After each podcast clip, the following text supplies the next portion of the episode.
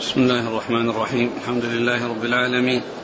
والصلاة والسلام على عبد الله ورسوله نبينا محمد وعلى آله وصحبه أجمعين. أما بعد فيقول أمير المؤمنين في الحديث أبو عبد الله محمد بن إسماعيل البخاري رحمه الله تعالى يقول في كتابه الجامع الصحيح باب صب النبي صلى الله عليه وسلم وضوءه على المغمى عليه. قال حدثنا أبو الوليد قال حدثنا شعبة عن محمد بن المنكدر قال سمعت جابرا رضي الله عنه يقول جاء رجل رسول الله صلى الله عليه وسلم يعودني وأنا مريض لا أعقل. فتوضأ وصب علي من وضوئه فعقلت فقلت يا رسول الله لمن الميراث؟ إنما يرثني كلالة فنزلت آية الفرائض. بسم الله الرحمن الرحيم. الحمد لله رب العالمين. وصلى الله وسلم وبارك على عبده ورسوله نبينا محمد وعلى آله وأصحابه أجمعين. أما بعد فيقول الإمام البخاري رحمه الله باب صب الرسول صلى الله عليه وسلم وضوءه على المغمى عليه. هذه الترجمة آه، معقودة لبيان أن النبي صلى الله عليه وسلم عليه الصلاة والسلام زار جابرا وكان قد أغمي عليه والمغمى عليه هو الذي فقد وعيه والإغمى قد يطول وقد يقصر وقد يكون يعني مدة طويلة كما في هذا الزمان. والفرق بينه وبين النائم أن النائم إذا أوقظ يستيقظ وإذا نبه يتنبه وأما المغمى عليه فإنه لا يعقل ولا يشعر بشيء. فالرسول عليه الصلاة والسلام زاره وقد وهو مغمى عليه وتوضأ عليه الصلاة والسلام وصب عليه من وضوءه فأفاق وعقل ورجع إليه عقله وإحساسه وقال لمن الميراث؟ إنه لا يرثني إلا كلالة. أي أن أنه ليس المقصود أنه كلالهم الكلالة هو الذي ليس له أصول ولا فروع ليس له والد ولا ولد. هذا هو الكلالة. لأن لأن لأن الورثة صاروا محيطين به كالإكليل الذين هم الإخوة والأخوات والأعمام والعمات الذين شاركوا الميت في أبيه وهم أخوته أو الذين شاركوه في جده وهم أعمامه الذين شاركوه في جده وهم أعمامه هذا يقال لهم كلالة وهو الذي ليس له فرع ليس له فرع ولا أصل ليس له أصول ولا فروع وإنما له حواشي الذين هم الكلالة قال ولا كلالة فنزلت يعني آه، آية الكلالة ونزلت آية المواريث وفيها ال ال الآيات الأولى في سورة النساء فيها الكلالة الذين هم الإخوة لأم مع آية الزوجين لأن آية الز... لأن الزوجين ميراث الزوجين والإخوة لأم جاءوا في آية واحدة وهم الذين لا يرثون إلا بالفرض ولا سبيل لهم إلى التعصيب الذين هم الأزواج والإخوة لأم وفي آخر السورة التي هي الآية الكاملة في آخر السورة فيها ال ال الإخوة الأشقاء ولأب الإخوة الأشقاء ولأب يعني من كان يرث بالتعصيب وهو ليس من الأصول ولا من الفروع. ليس من الأصول ولا من الفروع. وأما الإخوة اليوم يرثون بالفرض ولا يرثون بالتعصيب. والإخوة الأشقاء يرثون بالتعصيب ولا يرثون بالفرض إلا النساء. فإنهن يرثن الإخوة الأخت لها النصف والأخوات أو الأختان فأكثر لهما الثلثان. وأما الرجال فإنهم يأخذون يستقلون بالفروض ويأخذون ما أبقت الفروض. المصنف رحمه الله أورد هذا الحديث مواضع عديدة. وأورده هنا يعني فيما يتعلق بكتاب الوضوء من أجل أن النبي صلى الله عليه وسلم توضأ وصب وضوءه على جابر فأفاق فسأل هذا السؤال. ومن المعلوم أن هذه الترجمة التي ذكرها المصنف هنا هي المطابقة ل يعني ما جاء في الأحاديث الكثيرة الدالة على التبرك به صلى الله عليه وسلم وبما مسه جسده. وقد ذكرت فيما مضى أن الأحاديث في ذلك متواترة وأنهم كانوا يتبركون بشعره ويتبركون ببصاقه ويتبركون بعرقه ويتبركون بفضل وضوءه ويتبركون بما مسه جسده من الثياب. بما مسه جسده من الثياب. لأن الرجل الذي آآ آآ آآ الذي طلب من النبي صلى الله عليه وسلم أن يعطيه بردة كانت عليه وقد كان أعطتها إياها امرأة وكان محتاجا إليها فطلبها منه فطلبها منه فدخل البيت ويعني خلعها وأعطاه إياها. فلاموه. وقالوا كيف تفعل يعني والرسول لبس محتاج إليها؟ قال ما أردت أردتها لألبسها وإنما أردت أن تكون كفني. يعني معناه أنه يكفن بشيء مسه جسد الرسول صلى الله عليه وسلم. فالترجمة هنا يعني مطابقة لما يعني فيه التبرك ولما يحصل فيه التبرك وهي من جملة الأحاديث الكثيرة الدالة على تبرك بما مسه جسده الشريف صلوات الله وسلامه وبركاته عليه. والبخاري رحمه الله ذكر الحديث في مواضع وذكر في كتاب المرضى ترجمة يعني باب آه، آه، وضوء العائد للمريض يعني وضوء العائد العائد يعني يتوضأ يعني ويصب على المريض.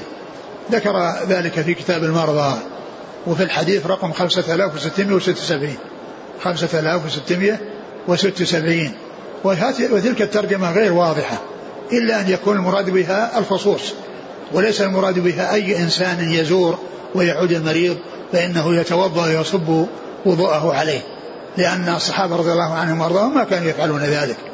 وإنما هذا كما عرفنا من خصائصه صلى الله عليه وسلم. فذكر الترجمة هناك فيها إشكال إلا أن يكون المراد بها حصول ذلك من رسول الله صلى الله عليه وسلم. أما أن يحصل من ذلك من غيره فإنه لا يتبرك بأحد بعد رسول الله صلوات الله وسلامه وبركاته عليه. أقرأ الحديث. عن جابر رضي الله عنه قال جاء رسول الله صلى الله عليه وسلم يعودني وأنا مريض لا أعقل. فتوضأ وصب علي من وضوئه فعقلت فقلت يا رسول الله لمن الميراث؟ إنما يرثني كلالة. فنزلت آية الفرائض. من الأشياء اللطيفة في ال في ال الإغماء أن أنه أن أحد الرجال في صحيح مسلم وهو سعير بن الخمس من من رجال مسلم وكان اسمه واسم أبيه من الأسماء المفردة التي لا تتكرر التسمية بها. اسمه سعير واسم أبيه الخمس واسم أبيه الخمس. فهي من أسماء, أسماء اسمه واسم أبيه من الأسماء المفردة التي لا تتكرر تسميتها. مثل مثل قتيبة ومثل كريب الذي مر ذكره قريبا يعني ذكرهما قريبا وأنه ليس في رجال الكتب الستة. من يسمى قتيبة إلا قتيبة بن سعيد ولا يسمى كريب إلا كريب مولى بن عباس. يعني يعني سعير بن الخمس هذا من رجال مسلم وقد ذكر في ترجمته أنه أصابه إغماء فظنوا أنه قد مات فغسلوه وكفنوه ثم إنه تحرك فأزالوا الكفن عنه وعاش بعد ذلك وولد له ابن اسمه مالك وكان من رواة الحديث الذي هو ابنه مالك الذي جاء بعد الإغماء الذي جاء بعد الإغماء. وقد جمع الذهبي رحمه الله في يعني من كان من هذا القبيل يعني جزءا سماه من عاش بعد الموت سماه من عاش بعد الموت. يعني من ظن أنه مات ثم إنه يعني عاد إلى الحياة وذلك لكونه مغمى عليه فعاد إلى حياته فجمع في ذلك جزءا سماه من عاش بعد الموت. وسعير بن خمس هو من هذا القبيل كما ذكر ذلك في ترجمته. نعم. قوله هنا وأنا مريض لا أعقل. نعم لا أعقل يعني ليس عنده وعي يعني لا يعي. ليس عنده وعي. لا بس يعني من حيث آداب زيارة المريض. نعم المريض يزار سواء كان يعني مغمى عليه أو غير مغمى عليه لأنه إذا زير زاره أحد يعني يدعون له ويعني آه، يدخلون السرور على أهله والإناسة لأهله فإن الزيارة يعني سواء كان الإنسان يعني يعقل أو لا يعقل سواء وعيه معه أو آه، فاقدا لوعيه بسبب الإغماء عليه. نعم. قال حدثنا أبو الوليد هو هشام عن ملك الطيالسي. نعم. عن شعبة. شعبة بن الحجاج. عن محمد بن المنكدر. نعم. عن جابر. رضي الله عنه وهذا الإسناد من من الأسانيد الرباعية. التي هي من الاسانيد العالية والبخاري رحمه الله عنده ثلاثيات عالية تبلغ ستة عشر حديثا بدون تكرار واثنين وعشرين حديثا بالتكرار. نعم الأخوة أشكل بعض الأسئلة جاءت عن قصة سعد أشكل عليهم. يقول ترثني ابنة. هنا يقول لا يرثني أحد. لا هذا جابر. هذا يقول كلالة. قال يرثني كلالة. يعني إنما ليس له يعني ليس له أصل ولا فرق. لأنه كذلك هناك زاره في المرض. اللي هو؟ سعد بن وقاص. اي نعم وش الإشكال؟ أقول الطلاب بعضهم أرسل أرسل سؤال يقول كيف يقول هنا لا يرثني أحد؟ هذا مو سعد هذا جابر. أنا أريد التفريق بينهما ذكر نعم. الفرق. يعني هذا جابر الذي قال يرثني إلا كلالة. يعني له أقارب ولكنهم كلالة والكلالة يعني إما يعني آه، إخوة أو أعمام. إخوة وأبناء إخوة وأعمام وأبناء أعمام.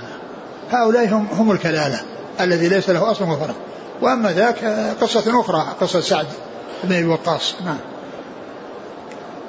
قال رحمه الله تعالى باب الغسل والوضوء في المخضب والقدح والخشب والحجارة. قال حدثنا عبد الله بن منير أنه سمع عبد الله بن بكر قال حدثنا حميد عن أنس رضي الله عنه قال حضرت الصلاة فقام من كان قريب الدار إلى أهله وبقي قوم فأتي رسول الله صلى الله عليه وسلم بمخضب من حجارة فيه ماء فصور المخضب فصور المخضب أن يبسط فيه كفه فتوضأ القوم كلهم قلنا كم كنتم؟ قال ثمانين وزيادة. ثم ذكر يعني هذه الترجمة التي فيها ذكر أوعية يتوضأ منها ويغتسل منها. قال بل الاغتسال والوضوء بالمخضب والقدح والقدح والخشب والخشب والحجارة. والحجارة. يعني كل هذه الأنواع أو هذه الآنية من هذه الأنواع سواء كانت يعني يقال له مخضب والمخضب يفسر بأنه معنى الطشت الكبير ويطلق على ما كان صغيرا من الآنية كما جاء في هذا الحديث لأن هذا الحديث فيه أن أن المخضب صغير ولهذا يعني ضاق أن يبسط فيه كفه لضيقه فأدخلها فيه يعني آه، وهو ضيق. وكان الماء فيه قليلا فجعل ينبع الماء ينبع من من بين أصابعه صلى الله عليه وسلم حتى كثر وتوضأ الناس جميعا وكانوا يبلغون ثمانين وزيادة. وهذا من بركه يعني آه، من بركته صلى الله عليه وسلم ومن علامات نبوته صلى الله عليه وسلم. ف ف يعني وذكر أن أنه لما حضرت الصلاة ذهب بعض الناس إلى أهله يعني ليتوضأوا. ويعني أناس لم يذهبوا وجيء النبي صلى الله عليه وسلم بمخضب وهو إناء صغير فيه ماء فلم يعني يمكن إدخال يده مبسوطة فيه فأدخلها فيه وجعل ينبع الماء من بين أصابعه وتوضأوا جميعا. وهذا من من من من بركته صلى الله عليه وسلم ومن علامات نبوته عليه الصلاة والسلام. والمقصود من ذلك يعني من هذه الترجمة ذكر الأواني التي يكون فيها الوضوء. وأنها سواء كانت من حديد وأنه يعني جاء في بعض الأحاديث أنه من نحاس أو كانت من خشب الإناء يكون من خشب أو يكون من حجارة. كل إناء يعني ليس بممنوع استعماله كالذهب والفضة فإنه يتوضأ فيه. أما الذهب والفضة فلا يجوز استعمالهما في الوضوء ولا في الشرب ولا في الأكل ولا في غير ذلك آنية الذهب والفضة كما جاءت بذلك الحديث الأحاديث عن رسول الله صلى الله عليه وسلم. هذه الترجمة معقودة لبيان الآنية والأوعية التي يتوضأ بها ويغتسل بها. فذكر هذا الحديث في المخضب الأول وهو يعني بهذا المعنى إناء صغير. وسيأتي يعني ما يدل على أنه يطلق على الإناء الكبير الذي هو مثل الطشت الذي هو واسع والذي تغسل فيه الثياب. والذي يعني يمكن الجلوس فيه لكبره. نعم. قال هذه الحديث. عن أنس قال حضرت الصلاة فقام من كان قريب الدار إلى انها صلاة العصر.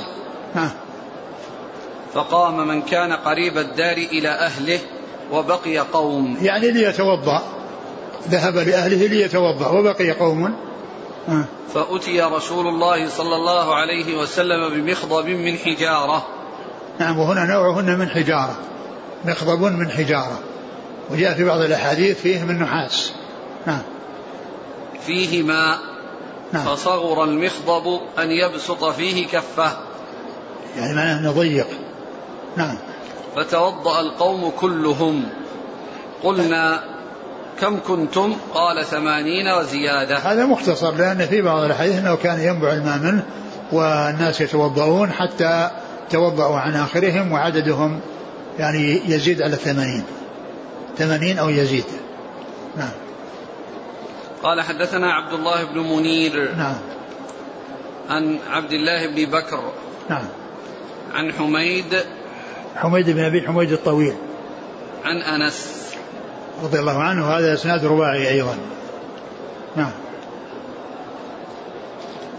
قال حدثنا محمد بن العلاء قال حدثنا أبو أسامة عن بريد عن أبي بردة عن أبي موسى رضي الله عنه أن النبي صلى الله عليه وعلى آله وسلم دعا بقدح فيه ماء فغسل يديه ووجهه فيه ومج فيه.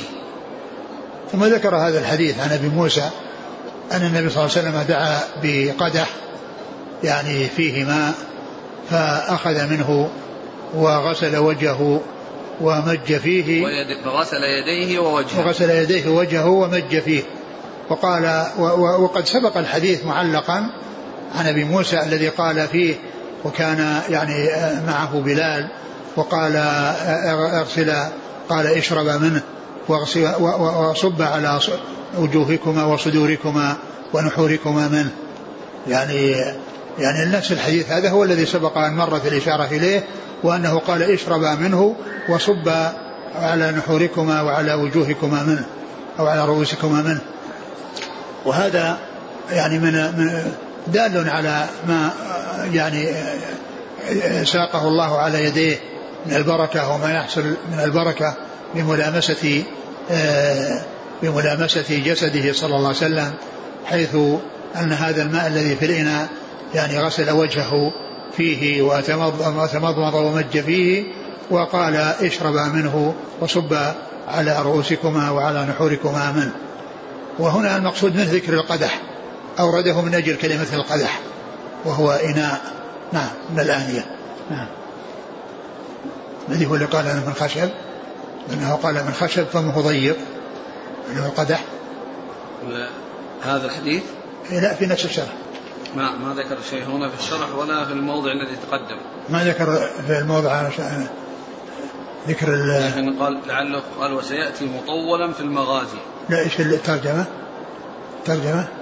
هنا؟ أيوه القدح والمخضب. والخشب والحجارة. والخشب والحجارة. لعله اي نعم أنت تريد نفس الكلام على الترجمة. اي اي أنا ظننت الحديث. نعم. أو قد يطلق على الإناء صغيرا أو كبيرا. هذا والقدح أيوة. أكثر ما يكون من الخشب مع ضيق فمه. نعم أكثر ما يكون. يعني يكون من الخشب وغير الخشب. لكنه أكثر ما يكون من الخشب ويكون فمه ضيقا. ويكون فمه ضيقا. نعم. قال حدثنا محمد بن العلاء محمد بن العلاء هو أبو كريب. أبو كريب محمد بن العلاء بن كريب أبو كريب. عن أبي أسامة. حماد بن أسامة. عن بريد. بريد بن عبد الله بن أبي بردة. بريد بن عبد الله بن أبي بردة. وهو يروي عن جده أبي بردة. وأبو بردة يروي عن أبيه أبي موسى. فهو رواية حفيد عن جده وابن عن وابن عن ابن عن أبيه. فيه رواية حفيد عن جده لأن بريد حفيد أبي بردة لأن أباه عبد الله و وأبو بردة يروي عن أبيه أبي موسى وهو من رواية ابن عن أب وحفيد عن جد. والإسناد كوفيون. نعم. آه لكن ما في أن هذا كان وضوء. فقط غسل يدين ووجه. نعم نعم نعم نعم.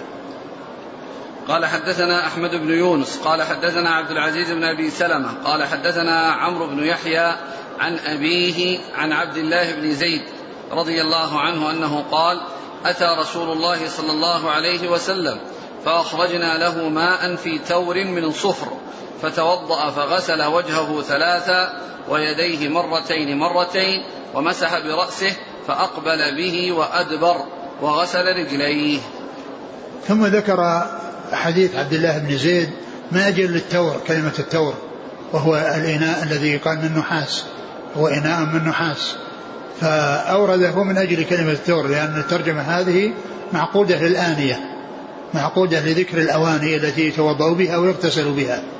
وهنا هذا الحديث سبق أن مر مرارا في المضمضة والاستنشاق وفي آه، غسل الوجه وفي مسح الرأس يعني في أبواب متعددة ولكنه أورده هنا من أجل آه، الإناء الذي هو التور وأنه يتوضأ من التور الذي هو إناء من صفر من من صفر. ف والحديث فيه اختصار لأنه سبق أن جاء بعدة روايات وهنا ليس فيه أنه أكفأ وغسل يديه خارج الإناء ثلاثا. وليس فيه أنه تمضمض واستنشق واستنثر ثلاثا. وقد مر في بعض الأحاديث ذكر هذه الأشياء فهو هنا مختصر. ذكر فيه غسل الوجه ثلاثا وغسل اليدين المرفقين مرتين مرتين ومسح الرأس وغسل الرجلين إلى الكعبين نعم. قال حدثنا أحمد بن يونس. أحمد بن يونس وأحمد بن عبد الله بن يونس. أحمد بن عبد الله بن يونس وهذا وصفه الإمام أحمد بأنه شيخ الإسلام. وصفه الإمام أحمد بأنه شيخ الإسلام الذي أحمد بن عبد الله بن يونس. نعم. عن عبد العزيز بن أبي سلمة. نعم. عن عمرو بن يحيى. نعم. عن أبيه. نعم عن أبيه. عن عبد الله بن زيد. نعم. يعني هذا الرجل الأول والثاني الذي هو شيخ البخاري وشيخ شيخه يعني بينهما اتفاق في أمور متعددة ذكرها الحافظ بن حجر. يعني اتفقا في أمور اتفقا في أن كل منهما اسمه به عبد الله وأن كنيته أبو عبد الله وفي أمور أخرى إيش قال الحافظ؟ وأن كل منهما نسب إلى جده. وأن كل منهما نسب إلى جده. لم لم ينسب إلى أبيه. ما ذكر فلان بن عبد الله. يعني كل منهما نسب في الحديث إلى جده. نعم. وأن كل منهما ثقة حافظ فقيه. وأن كل منهما ثقة حافظ فقيه. يعني أمور أربعة اتفقوا فيها. اتفقوا في أن كنية كل منهما أبو عبد الله واسم أبي كل منهما عبد الله وأن كل منهما نسب إلى جده هنا وأن كل منهما ثقة عالم فقيه. حافظ. ثقة ثقة حافظ فقيه. و آه نعم. قال وقضية من وفقت كنيته اسم أبيه هذا من أنواع علوم الحديث ومعرفتها فائدة معرفتها أن لا يظن التصحيف لأن الشخص قد يكون مشهور ب, ب يعني بنسبته أو قد يأتي يعني بنسبته وقد يأتي بكنيته. فيقال فلان ابن فلان ابن عبد الله. أو يقال فلان أبو عبد الله. فإذا عرف أن كنيته أبو عبد الله وأن اسمه جد وأن اسمه أبي عبد الله فإنه لا يحصل التباس بأن يظن التصحيح بين ابن وأبي. لأن التصحيح بين أبي وابن يعني آه، قريب الرسم بعضه من بعض. فالذي لا يعرف أحد الاثنين يظن أنه لو جاء في اللفظ الآخر يظن أنه تصحيف إذا فائدة معرفة من وافقت كنية اسم به أن لا يظن التصحيف. وهذا يعني في يأتي في عدد من الرواة. يعني كثير. يعني آه، كنيته توافق اسم أبيه نعم. قال حدثنا أبو اليمان قال أخبرنا شعيب عن الزهري قال أخبرني عبيد الله بن عبد الله بن عتبة أن عائشة رضي الله عنها قالت لما ثقل النبي صلى الله عليه وسلم واشتد به وجعه استأذن أزواجه في أن يمرض في بيتي فأذن له. فخرج النبي صلى الله عليه وسلم بين رجلين تخط رجلاه في الأرض بين عباس ورجل آخر. قال عبيد الله فأخبرت عبد الله بن عباس فقال أتدري من الرجل؟ أتدري من الرجل الآخر؟ قلت لا. قال هو علي. وكانت عائشة رضي الله عنها تحدث أن النبي صلى الله عليه وسلم قال بعدما دخل بيته واشتد وجعه هريقوا علي من سبع قرب لم تحلل أوكيتهن لعلي أعهد إلى الناس. وأجلس في مخضب لحفصة زوج النبي صلى الله عليه وسلم ثم طفقنا نصب عليه. ثم طفقنا نصب عليه تلك حتى طفق يشير إلينا أن قد فعلتن ثم خرج إلى الناس. ثم ذكر هذا الحديث أجل المخضب هنا في هذه الترجمة. وهذا المخضب يعني فيه بيان أنه كبير لأنه قال أجلس في المخضب فإذا المخضب يجلس يطلق على الوعاء الكبير الذي هو مثل الطشت والذي يعني تغسل فيه الثياب والذي يمكن الجلوس فيه. ويطلق على الوعاء الصغير كما في الحديث الأول الذي دخل لم تدخل يعني يده مبسوطة في في فيه وأن فيه الماء القليل.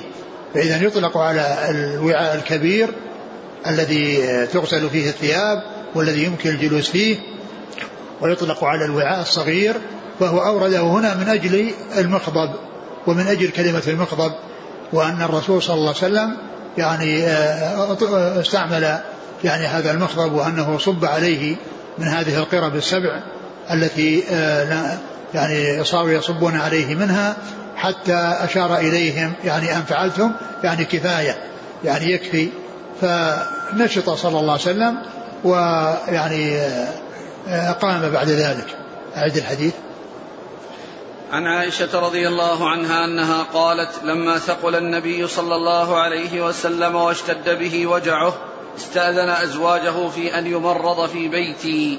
لما ثقل الرسول صلى الله عليه وسلم يعني اشتد به المرض وصعب عليه صعبت عليه الحركة استأذن أزواجه بأن يعني يمرض في بيت عائشة. يعني من أنه يجلس في بيت عائشة وأنه يعني آه، يبقى فيه لأنه يصعب عليه التنقل من بيت إلى بيت. لأنه ثقل عليه الصلاة والسلام واشتد به المرض فاستأذن نساءه. فقيل يعني في هذا أن أن هذا يدل على أن القسم واجب عليه ولهذا استأذن. وقيل إنه يعني ليس بواجب عليه ولكن هذا من من كمال أخلاقه صلى الله عليه وسلم وحسن معاملته لزوجاته وأنه يعني آآ آآ يطلب منهن الشيء الذي يعني الذي بحصوله منه تطيب أنفسهن تطيب أنفسهن فمنهم من قال إن القسم ليس عليه واجب ومن وان وان أن القسم عليه القسم عليه واجب ولكنه يعني حصل من الاستئذان من أجل تطيب الخواطر وقيل إنه ليس بواجب. نعم. فأذن له فخرج النبي صلى الله عليه وسلم بين رجلين تخط رجلاه في الأرض بين عباس ورجل آخر. وهذا يعني كان بعد بعد ما حصل يعني أنه يعني صب عليه في المخضب آه، ونشط وقام يعني يعني وذهب إلى الناس. نعم أعد. فخرج النبي صلى الله عليه وسلم بين رجلين تخط رجلاه في الأرض بين عباس ورجل آخر. نعم يعني بين عباس وعلي الذين هم عمه وابن عمه. نعم. قال عبيد الله فأخبرت عبد الله بن عباس فقال أتدري من الرجل الآخر؟ قلت لا. قال هو علي. نعم. وكانت عائشة رضي الله عنها تحدث أن النبي صلى الله عليه وسلم قال بعدما دخل بيته واشتد وجعه هريقوا علي من سبع قرب. يعني لما دخل بيت عائشة بعد الاستئذان وجاء إلى بيت عائشة واشتد به الوجع قال أهريقوا أهريقوا علي من سبع قرب لم تحلل أوكيتهن. نعم. لعلي أعهد إلى الناس. نعم. وأجلس في مخضب لحفصة زوج النبي صلى الله عليه وسلم ثم طفقنا نصب عليه تلك حتى طفق يشير إلينا أن قد فعلتن ثم خرج إلى الناس. يعني خرج إلى الناس هذا فيه الكلام الذي راح هو تفصيل لقوله خرج إلى الناس لأنه صب عليه وحصل له النشاط فقام وخرج إلى الناس عليه الصلاة والسلام. نعم. قال حدثنا أبو اليمان الحكم بن نافع عن شعيب بن أبي حمزة عن الزهري نعم. عن عبيد الله بن عبد الله بن عتبة وهذا أحد فقهاء المدينة السبعة في عصر التابعين. عن عائشة. نعم. آه، إبهام الرجل الآخر هل له سبب؟ ما أعرف يعني له سبب. الترجمة باب الغسل والوضوء في المخضب والقدح والخشب والحجارة. هنا في المخضب. هنا من أجل المخضب جاء الحديث من أجل كلمة المخضب. الحافظ يقول وعطفه الخشب والحجارة على المخضب والقدح ليس من عطف العام على الخاص فقط بل بين هذين وهذين عموم وخصوص من وجه. يعني بينهما شيء من التقارب ولا يقال إنهما متساويان. مت... إنها متماثلة وانه أو إنه من عطف خاص على عام. وإنما يعني لذكر هذه الأنواع التي جاءت بهذه الأسماء. جاءت بهذه الأسماء. نعم. قال رحمه الله تعالى باب الوضوء من التور. قال حدثنا خالد بن مخلد قال حدثنا سليمان قال حدثني عمرو هناك الترجمة فيها التور اللي راحت؟ لا. ما فيها التور نعم لا. قال باب لكنه مر فيها ذكر التور الحديث إيه، فأخرجنا حديث له ماء حديث في تور من صفر عبد الله بن زيد. وهو هذا حديث عبد الله بن زيد. نعم فيه. نعم. باب الوضوء من التور أقول حديث عبد الله بن زيد مضى. وهذا هو سيأتي. اي نعم يعني هناك مضى يعني آه، هو من أجل التور ولكن المصنف عقد له ترجمة مستقلة. نعم. قال حدثنا خالد بن مخلد قال حدثنا سليمان قال حدثني عمرو بن يحيى عن أبيه قال كان عمي يكثر من الوضوء. قال لعبد الله بن زيد رضي الله عنه أخبرني كيف رأيت النبي صلى الله عليه وسلم يتوضأ فدعا بتور من ماء فكفى على يديه فغسلهما ثلاث مرار ثم أدخل يده في التور فمضمض واستنثر ثلاث مرات من غرفة واحدة.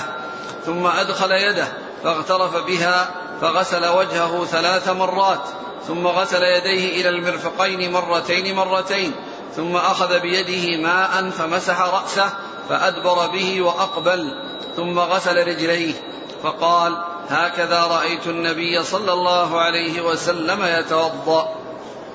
ثم ذكر باب الوضوء في التور وهو وعاء من صفر اظن مرت هناك.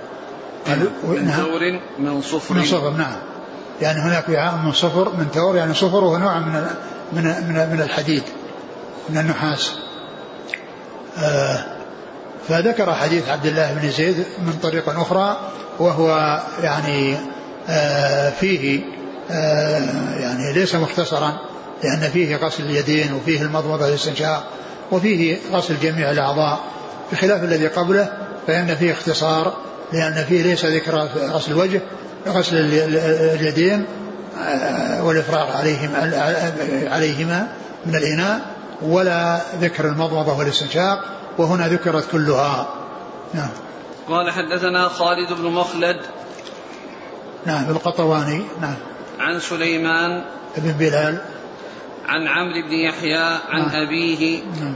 عن عبد الله بن زيد. نعم. فإسناده مدنيون. نعم. قال حدثنا مسدد قال حدثنا حماد عن ثابت عن أنس رضي الله عنه أن النبي صلى الله عليه وسلم دعا بإناء من ماء فأتي بقدح رحراح. فيه شيء من ماء فوضع أصابعه فيه. أعد. المتن عن أنس أن النبي صلى الله عليه وسلم دعا بإناء من ماء نعم. فأتي بقدح رحراح. فيه شيء من ماء فوضع أصابعه فيه. قال أنس فجعلت أنظر إلى الماء ينبع من بين أصابعه. قال أنس فحذرت من توضأ ما بين السبعين إلى الثمانين. باب؟ الحديث أو بترجمة؟ نفس الوضوء من توب نعم. قال عن أنس أن النبي صلى الله عليه وسلم دعا بإناء من ماء فأتي بقدح رحراح فيه شيء من ماء فوضع أصابعه فيه. قال أنس فجعلت أنظر إلى الماء ينبع من بين أصابعه. شوف إيش قال في في في في, قدح من رح- رحراح. لأنه هو نفسه الحديث الأول اللي- الذي هو التور يقول قال الخطابي الرحراح الإناء الواسع الصحن القريب القعر. ومثله لا يسع الماء الكثير فهو أدل على عظم المع- المعجزة. قلت وهذه الصفة شبيهة بالطست وبهذا يظهر مناسبة هذا الحديث للترجمة. الترجمة ذكر التور هو يقول إنه قريب منه. إيه. قريب من شكله لأنه قريب القعر بس قريب. بس الطشت يعني يعني طشت يعني يكون كبير لأن الحديث الذي مر أنه جلس في طشت المخضب المخضب الذي هو المخضب. وهنا قال تور وقد سبق أن مر أنه يطلق على آه، هو ذاك المخضب هو الذي إناء صغير ويطلق على وهنا إيش قال فيه آه، قال قدحا رحراء. نعم. نعم. الرحراح الإناء الواسع الصحن القريب القعر. ومثله لا يسع الماء الكثير فهو أدل على المعجزة قلت هذه الصفة شبيهة بالطست طشت يعني هو نعم مثل كونه يعني يعني واسع ولكن قعره قليل يعني يعني هو يقول التور شبه الطست وقيل هو الطست إيه، شبه الطشت إيه؟ آه. لما شرح الترجمة نعم. باب الوضوء من التور نعم التور شبه الطست نعم. وقيل هو الطست آه.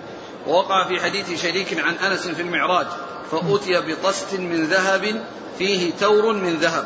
نعم. وظاهره المغايرة بينهما ويحتمل الترادف وكأن الطست أكبر من التور. نعم. لأنه قال أنه صغير وأنه هنا الطشت يعني يجلس فيه وهو المخضب أيضا اللي سبق أنه أطلق الرسول جلس فيه ويصب عليه يعني الماء وهو فيه. آه، أعد الحديث؟ قال عن أنس أن النبي صلى الله عليه وسلم دعا بماء دعا بإناء من ماء فأتي بقدح رحراح. فيه شيء من ماء فوضع أصابعه فيه. قال أنس فجعلت أنظر إلى الماء ينبع من بين أصابعه. نعم. قال أنس فحذرت من توضأ ما بين السبعين إلى ث- إلى ثمانين إلى الثمانين. نعم. ما بين السبعين إلى الثمانين. نعم. لكن هناك قال فوق الثمانين. لا. لا أنا قلت قصدي فبسط كفه. نعم. فصغر المخضب أن يبسط فيه كفه. أيوه. وهنا قدح رحراح واسع. لا بس قد يكون أنه يعني أنها مو بواسع هو يعني كبير في بعيد قعرة. قعره بعيد ولكنه يكون صغير ويكون كبير. فيمكن أن يكون أنه يعني إما أن يكون يعني شيء يدخل في يده أو إنه يعني يبسط فيه يعني آه، و- في وسط آه، في في قعره. فيكون يعني آه، يعني يحتاج إلى أن يضم اصابع بعضها إلى بعض لأنه ما يتسع. فيحتمل يكون هو هو نفس ذاك إلا أنه هنا عبر عنه بقدح الرحراح وأنه صغر أن- يعني أن يبسط فيه وذاك مثله أيضا صغر أن يبسط فيه. وهنا ما قال صغر أن يبسط فيه. نعم. نعم. لكنه قال صغير وكبير. وإذا كان صغيرا وفيه ماء قليل وقعره قليل واليد يعني قد لا تنبسط به مثل بعض الصحون الصغيرة هذه التي يعني فيكون يعني كبير ويكون صغير. نعم.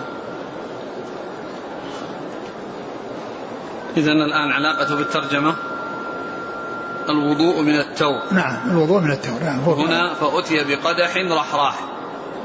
مناسب؟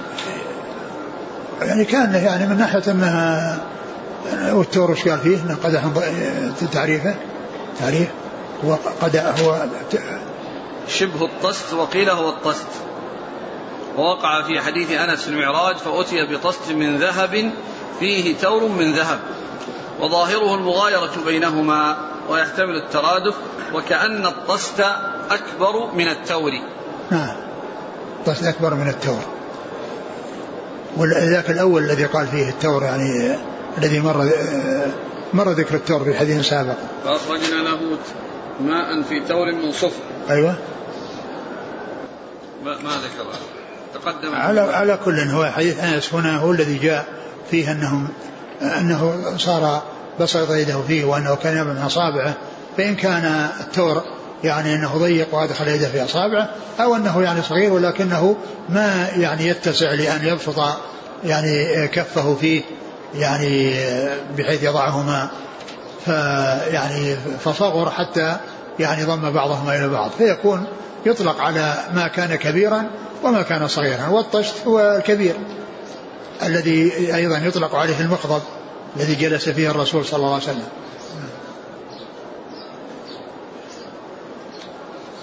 قال حدثنا مسدد نعم. عن حماد. حماد هو بن زيد.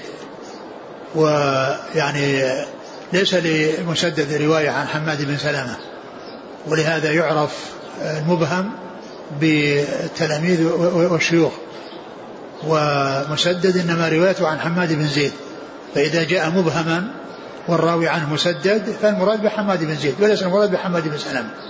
وليس المراد به حماد بن سلمة. ومعلوم أن أنهم يتفقون في بعض التلاميذ وبعض المشايخ وينفرد بعضهم يعني عن الآخر في بعض التلاميذ وبعض المشايخ. وهذا مما انفرد فيه يعني آه، مسدد عن حماد بن زيد لأنه ليس ليس له رواية عن حماد بن سلمة. ومعرفة المهمل الذي هو ذكر اسم الرجل دون أن يذكر اسم أبيه إنما يعرف بالشيوخ والتلاميذ والبلد. نعم. هل نستطيع أن نقول كل حماد إذا جاء أن حماد بن سلمة لا يمكن يرد معنا في البخاري. أن إيش؟ حماد بن سلمة. نعم. لا يرد معنا. صح. وبالنسبة للبخاري؟ نعم حماد بن سلمة سلمة رواه البخاري تعليقا. نعم رواه البخاري تعليقا. لكن يعني ذكر يعني اللفظ هو من حيث البخاري لا ليس له رواية. يعني ب ب ب وإنما رواية رواية معلقة. لكن هنا حماد بن آه، مسدد يعني معروف بالرواية عن حماد بن بن سلمة. يعني أحمد بن زيد. لو جاء مثلا في آه، يعني غير البخاري مما يحتمل أن يكون يعني فيه هذا وهذا فإنه برواية مسدد عنه يعرف أنه حماد بن زيد وليس حماد بن سلمة. عن ثابت عن أنس. عن ثابت بن أسلم البناني. عن أنس رضي الله عنه وهذا أيضا إسناد رباعي. وهم بصريون. نعم. وهم بصريون. نعم. قال رحمه الله تعالى باب الوضوء بالمد. قال حدثنا أبو نعيم قال حدثنا مسعر قال حدثني ابن جبر قال سمعت أنسا يقول كان النبي صلى الله عليه وسلم يغسل أو كان يغتسل بالصاع إلى خمسة أمداد. ويتوضأ بالمد. ثم ذكر باب الوضوء بالمد. يعني مقدار الماء الذي يتوضأ به. والمد ربع الصاع. لأن الصاع أربعة أمداد. فكان يتوضأ بالمد ويغتسل بالصاع إلى خمسة أمداد. يعني معناه يعني أحيانا يعني يغتسل بالصاع وأحيانا يضيف إليه مدا الذي في ربع الصاع. فيكون خمسة أمداد. فكان أحيانا يعني يغتسل بالصاع وأحيانا يزيد عليه مقدار ربع الصاع الذي في المد فيكون إما بأربعة أمداد وإما بخمسة أمداد. إما بأربعة أمداد التي هي الصاع وإما بخمسة أمداد التي هي الصاع وزيادة مد. ف يعني ذكر فيه هذا الوضوء يعني وهذا مقدار ما يتوضأ به أو الشيء الذي يتوضأ به. وأنه كان يتوضأ بالمد اللي هو ربع صاع ويغتسل بالصاع إلى أربعة أمداد. نعم. قال حدثنا أبو نعيم الفضل بن دكين. عن مسعر ابن كدام. عن ابن جبر وهو عبد الله بن عبد الله بن جبر بن عتيك الأنصاري. نعم. عن أنس. رضي الله عنه وهذا أيضا إسناد رباعي. اثنان كوفيان واثنان بصريان. نعم. قال رحمه الله تعالى باب المسح على الخفين. قال حدثنا أصبغ بن, أصبغ بن الفرج المصري عن ابن وهب. قال حدثني عمرو. قال حدثني أبو النضر عن أبي سلمة بن عبد الرحمن عن عبد الله بن عمر رضي الله عنهما عن سعد بن أبي وقاص رضي الله عنه عن النبي صلى الله عليه وعلى آله وسلم أنه مسح على الخفين وأن عبد الله بن عمر سأل عمر رضي الله عنه عن ذلك فقال نعم إذا حدثك شيئا سعد عن النبي صلى الله عليه وسلم فلا تسأل عنه غيره وقال موسى بن عقبة أخبرني أبو النضر أن أبا سلمة أخبره أن سعدا فقال عمر لعبد الله نحوه أعد, أعد المتن عن عبد الله بن عمر عن سعد بن أبي وقاص عن النبي صلى الله عليه وسلم أنه مسى على الخفين. وأن عبد الله بن عمر سأل عمر عن ذلك فقال نعم إذا حدثك شيئا إذا حدثك شيئا سعد عن النبي صلى الله عليه وسلم فلا تسأل عنه غيره. ثم ذكر يعني المسح على الخفين والمسح على الخفين جاءت فيه الأحاديث الكثيرة عن رسول الله صلى الله عليه وسلم وبل يعني بلغت حد التواتر. ولهذا يذكرها يعني بعض العلماء في يعني في كتب العقائد من أجل الرد على بعض المبتدعة الذين ينكرونها وينكرون المسح على الخفين ولهذا يقولون وراء المسح يعني في أظن في العقيدة عقيدة الطحاوي ويرون, ويرون المسح على الخفين آه، المسح على الخفين في الحضر والسفر كما جاء بالأثر وكذلك يعني غسل الرجلين. كل ذلك الرد على بعض الفرق الضالة التي خالفت هذه الصفات وهذه الهيئات التي ثبتت عن رسول الله صلى الله عليه وسلم. فذكر هذا الحديث عن سعد بن أبي وقاص. يرويه عبد الله بن عمر عن سعد بن وقاص وأن الرسول صلى الله عليه وسلم مسح عن خفين. فهذا من جملة الأحاديث المتعددة التي فيها ثبوت المسح على الخفين عن رسول الله صلى الله عليه وسلم. وابن عمر سأل أباه يعني عن ذلك فقال إذا حدثك سعد عن رسول الله صلى الله عليه وسلم فلا تعده يعني اكتفي به. أو تمسك به. انتهى؟ انتهى الحديث؟ نعم. نعم. والمسح على الخفين يعني آه، يكون جاءت السنة بأنه يوم وليلة للمقيم وثلاث أيام بلياليها للمسافر. نعم. قال حدثنا أصبغ بن الفرج المصري. نعم. عن ابن وهب. المصري أيضا. عن عمرو. عمرو بن الحارث نعم. نعم وهو مصري. عن أبي النضر. وهو, وهو سالم بن أبي أمية. سالم؟ ابن أبي أمية. نعم. عن أبي سلام بن عبد الرحمن. نعم. عن عبد الله بن عمر. نعم. عن سعد بن أبي وقاص. نعم. رواية صحابي عن صحابي. وتابعي عن تابعي. وتابعي عن تابعي الذي هو أبو النضر. عن, عن أبي سلمة. عن أبي سلمة. وقال موسى بن عقبة أخبرني أبو النضر أن أبا سلمة أخبره أن سعدا فقال عمر لعبد الله نحوه. نعم.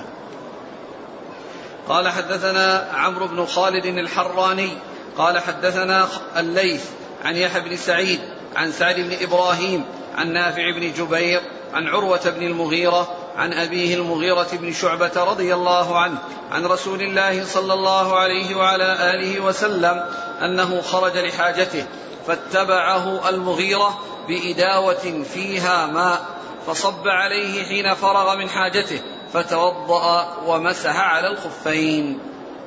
ثم ذكر هذا الحديث عن المغيرة بن شعبة رضي الله عنه أنه كان معه صلى الله عليه وسلم في سفر وذهب لحاجته ثم إنه آآ آآ توضأ وكان يصب عليه المغيرة بن شعبة رضي الله عنه ففيه وأنه مسح توضأ ومسح على الخفين توضأ ومسح على الخفين فهو حديث عن المغيرة في في في في في, في, حكم المسح على الخفين وأنه يرويه عن رسول الله صلى الله عليه وسلم وأنه باشر الصب عليه وأنه غسل بقي غسل الأعضاء كلها ولما جاء الخفين مسح عليهما ولم يخلعهما. قال حدثنا عمرو بن خالد الحراني نعم. عن الليث نعم. عن يحيى بن سعيد الأنصاري. عن سعد بن إبراهيم نعم. عن نافع بن جبير نعم. عن عروة بن المغيرة نعم وهؤلاء أربعة من التابعين يروي بعضهم بعض. أربعة من التابعين يروي بعضهم عن بعض. نعم. عن المغيرة بن شعبة رضي الله عنه. قال حدثنا أبو نعيم قال حدثنا شيبان عن يحيى عن أبي سلمة عن جعفر بن عمرو بن أمية الضمري أن أباه رضي الله عنه أخبره أنه رأى النبي صلى الله عليه وسلم يمسح على الخفين وتابعه حرب بن شداد وأبان عن يحيى. ثم ذكر هذا الحديث عن جعفر عمرو بن أمية. عن عمرو بن أمية رضي الله عنه أنه رأى النبي نعم. أنه رأى النبي يمسح على الخفين فإذا هذا حديث آخر عن صحابي ثالث فيه ثبوت المسح من رسول الله صلى الله عليه وسلم على الخفين وأنه كان يمسح على الخفين وقد رآه هذا الصحابي يمسح على الخفين. وهو من من من من, من جملة الأحاديث المتعددة التي ثبتت عن رسول الله صلى الله عليه وسلم في المسح على الخفين. قال حدثنا أبو نعيم عن شيبان شيبان بن عبد الرحمن عن يحيى وابن سعيد. بن أبي كثير. يحيى. ابن أبي كثير. يروي عن من؟ عن أبي سلمة. نعم. يحيى بن أبي كثير اليمامي. عن أبي سلمة بن عبد الرحمن. نعم.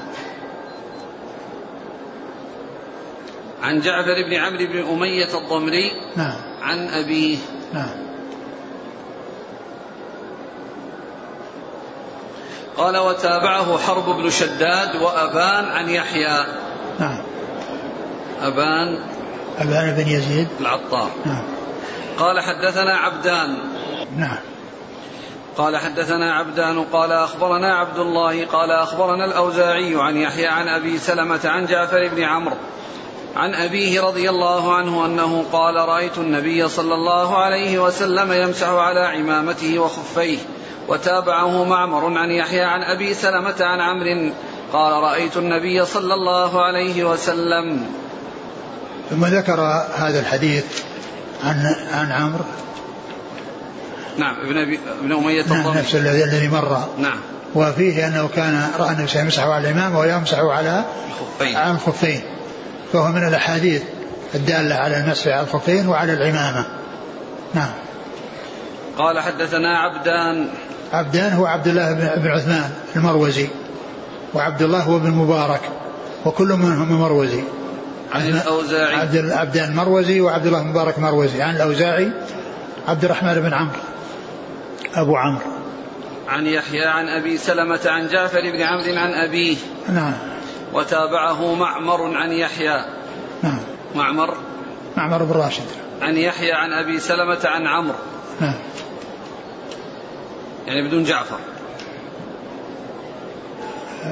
لأن هناك عن يحيى عن أبي سلمة عن جعفر بن أمية عن أبيه. نعم نعم. وهنا معمر عن يحيى عن أبي سلمة عن عمرو. عمرو عن نعم. قال رحمه الله تعالى باب إذا أدخل رجليه وهما طاهرتان. والله تعالى أعلم وصلى الله وسلم وبارك على عبده ورسوله نبينا محمد وعلى آله وأصحابه أجمعين. جزاكم الله خيرا وبارك الله فيكم. ألهمكم الله الصواب ووفقكم للحق. ونفعنا الله بما سمعنا وغفر الله لنا ولكم وللمسلمين أجمعين. آمين. آمين آه، ما تعليقكم حفظكم الله على ما ذكره الحافظ عن ابن المنذر؟ قال اختلف العلماء أيهما أفضل المسح على الخفين أو نزعهما وغسل القدمين قال والذي اختاره أن المسح أفضل. لأجل من طعن فيه من أهل البدع من الخوارج والروافض. قال وإحياء ما طعن فيه المخالفون من السنن أفضل من تركه. هذا كلام جيد. ولهذا أنا قلت لكم أنه يذكر بعض العلم بعض العلم في كتب العقائد. قال ويرون المسح على الخفين في الحضر والسفر كما جاء في الأثر الحافظ لما مر معنا من سبع قرب نعم. لم تحلل أوكيتهن. قال يشبه أن يكون خص السبع تبركا بهذا العدد. نعم لأن العدد جاء ذكره كثير السماوات سبع والأرضين سبع والطواف البيت سبع والسعي سمرة سبع. يعني فيأتي العدد هذا في أشياء كثيرة. فيمكن أنه يعني هذا من أجل أنه وتر وأنه عدد يعني جاء في أمور كثيرة. يعني فيما يتعلق بالخلق وفيما يتعلق بالعبادات مثل الطواف مثل السعي بين الصفا والمروة لأن كل ذلك سبعا سبعا. هذا يقول كثيرا ما يقال احتج به صاحب الصحيحين وأحيانا يقول استشهد به صاحب الصحيحين. كيف نفرق بين ما أورده صاحب الصحيحين على سبيل الاحتجاج وما أورداه على سبيل الاستشهاد. كان المتابعة المقصود بالاستشهاد المتابعة. والاحتجاج يعني في الأصل. يعني لأن منهم من يذكر يعني استقلالا وأصالة واعتمادا ومنهم من يأتي متابعة واستشهادا. نعم. مر معنا قال آه عمرو بن يحيى العبي قال وكان عمي يكثر من الوضوء.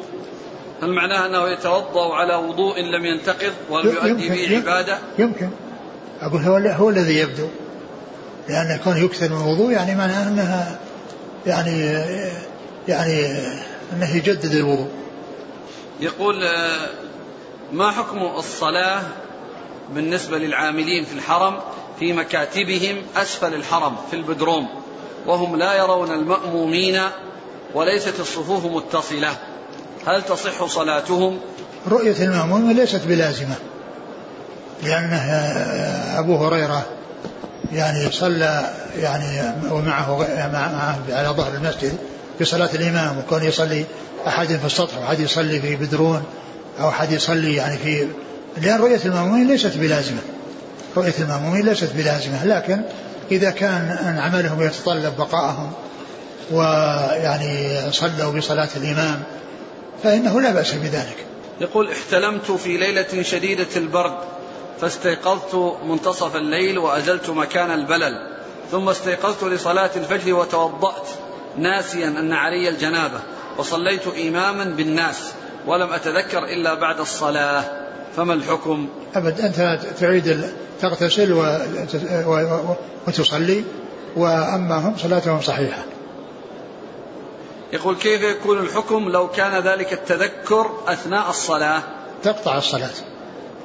يقول نحن من روسيا وعندنا كل المدارس فيها اختلاط. إحدى الأخوات تدرس في آخر سنة من الثانوية وهي تحتجب وبسبب حجابها حصلت لها مشكلات وهي لا تريد أن تدرس في المدرسة لكن أبواها يأمرانها بأن تدرس فيها. سؤالها هل تطيعهما في هذا؟ يمكن أنها تدرس عن طريق البعد هذه الطريقة التي يعني يكون فيها الدراسة عن طريق البعد أو عن طريق الانتساب وأما المخالطة بين الرجال والنساء في الدراسة وفي غيرها فإن هذا من الأمور المنكرة التي لا يسوغ للرجل ولا للمرأة الإقدام على ذلك يقول إذا أعطت مدير المدرسة مبلغا ليخرجها من المدرسة هل يعتبر ذلك رشوة محرمة؟ إيش إيش؟ تعطي المدير مبلغا من المال. بمعنى أنه؟ يعتبرها أنها حاضرة ما يغيبها. إيه طبعا هذا رشوة لا شك. رشوة وكذب. يقول ما حكم صلاة الجمعة في الميد في الميادين؟ هل تصح؟ الجمعة تكون في المساجد التي خصصت لها. لماذا صلى الجمعة في الميادين؟ لأنهم معتصمين في الميدان. نعم. معتصمون في الميدان. على كل يعني آه آه كونهم يصلون الجمعة يصح إذا إذا فعلوا ذلك. إذا فعلوا ذلك فإن صلاتهم صحيحة. ها. يقول آه، امرأة طلقها زوجها وأراد العودة إليها بعد انقضاء العدة فهي طالبت بمهر لتعود إليه. نعم. هل يحق لها؟ لها يحق لها لأنه خاطب من الخطاب. خاطب من الخطاب لها أن تقبله ويدفع لها مهر ولها أن تتركه والزوج بغيره لأنه بعد خروجه من العدة ليس له علاقة بها خاطب من الخطاب ويدفع مهرا إذا إذا تزوجها. جزاكم الله خيرا. سبحانك الله وبحمدك.